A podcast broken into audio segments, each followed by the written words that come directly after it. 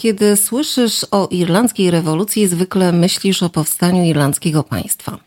Ale w irlandzkim życiu rewolucja narodowa paradoksalnie niewiele zmieniła. Sposób, w jaki Irlandczycy żyli w latach 50., niczym szczególnym nie różnił się od tego z lat 20.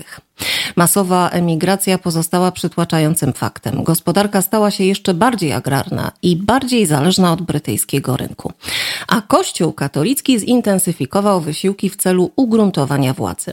Na szczęście wszystkie te trzy siły w ciągu ostatnich 30 lat utraciły swoje magiczne moce i być może prawdziwa irlandzka rewolucja to ta, która rozpoczęła się dopiero na początku lat 90. XX wieku. Tegoroczny raport BNA Sign of the Times przypomina nam, jak radykalnie zmieniło się życie w Irlandii począwszy od roku 1991. I co niezwykle intrygujące, jakiej przemianie uległa nasza mentalność.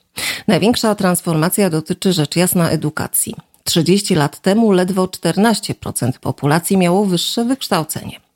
W roku 2016 odsetek ten wynosił już 42%. Co prawda nieznane są jeszcze oficjalne wyniki tegorocznego spisu powszechnego, ale z przecieków do prasy można domniemywać, że odsetek wykształciuchów ponownie będzie rekordowy. Irlandczycy stali się bardziej światowi i równie często uczęszczają na siłownię co do lokalnego pubu. Z chwilą, kiedy Irlandia przystąpiła do Unii Europejskiej, w ślad za tym ważnym wydarzeniem podążał gwałtowny postęp w życiu społecznym. Wzrosła liczba wykształconych i pracujących kobiet, zmienił się charakter rodziny, niestety spadł współczynnik dzietności. Ewoluowała za to gospodarka, a religia pogrążyła się w permanentnym chaosie. O ile w 1991 roku aż 75% społeczeństwa deklarowało regularne chodzenie do kościoła, o tyle obecnie liczba ta wynosi 30%. Badanie sugeruje, że częściej wpadamy do fryzjera niż na niedzielne uroczystości kościelne, a chleb i wino mszalne z powodzeniem zastąpiły inne składniki mieszczańskiego stołu. W tamtym czasie, co zaskakujące, tylko 17% irlandzkiego społeczeństwa sięgało po potrawy z dodatkiem czosnku. Taka ciekawostka.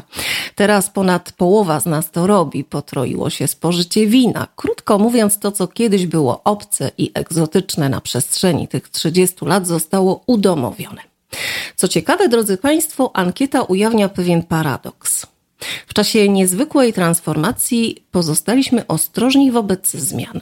W roku 91 aż 79% respondentów opowiadało się za życiową stabilizacją. Dziś w tej kwestii niewiele się zmieniło. A zatem irlandzkie pragnienie stabilności samo w sobie jest bardzo stabilne.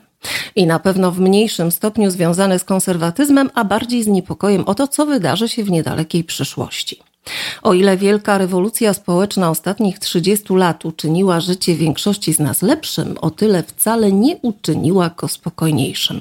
Część obaw wynika wprost z kryzysu klimatycznego, część bezpośrednio z naszych pandemicznych doświadczeń lub ma związek z wojną w Ukrainie. Poczucie bezpieczeństwa zależy od szybkiego dostępu do opieki medycznej oraz od posiadania niedrogiego mieszkania, a tymczasem Irlandczycy nie są pewni żadnej z tych rzeczy.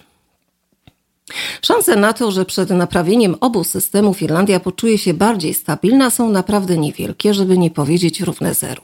W ciągu ostatnich 15 lat boleśnie doświadczyliśmy kryzysu gospodarczego, pandemii, a teraz doświadczamy następnego kryzysu inflacyjnego.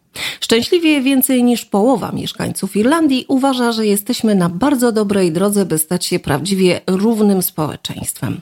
Rozszerzyliśmy edukację, co pozwoliło na większą integrację z osobami LGBT. I tylko kobiety, które w większości skupiły na sobie ciężar pandemii, stały się jakby bardziej sceptyczne wobec delikatnej kwestii równości. Drodzy Państwo, klasa społeczna, jak pokazuje to badanie, pozostaje kluczowym wyznacznikiem naszych relacji z gospodarką i społeczeństwem. Dopóki jednak nie pojawi się przekonująca opowieść o zdrowiu, mieszkalnictwie i równości ekonomicznej, owa druga irlandzka rewolucja nie zwiększy naszego dobrego samopoczucia w kwestii stabilizacji, zwłaszcza.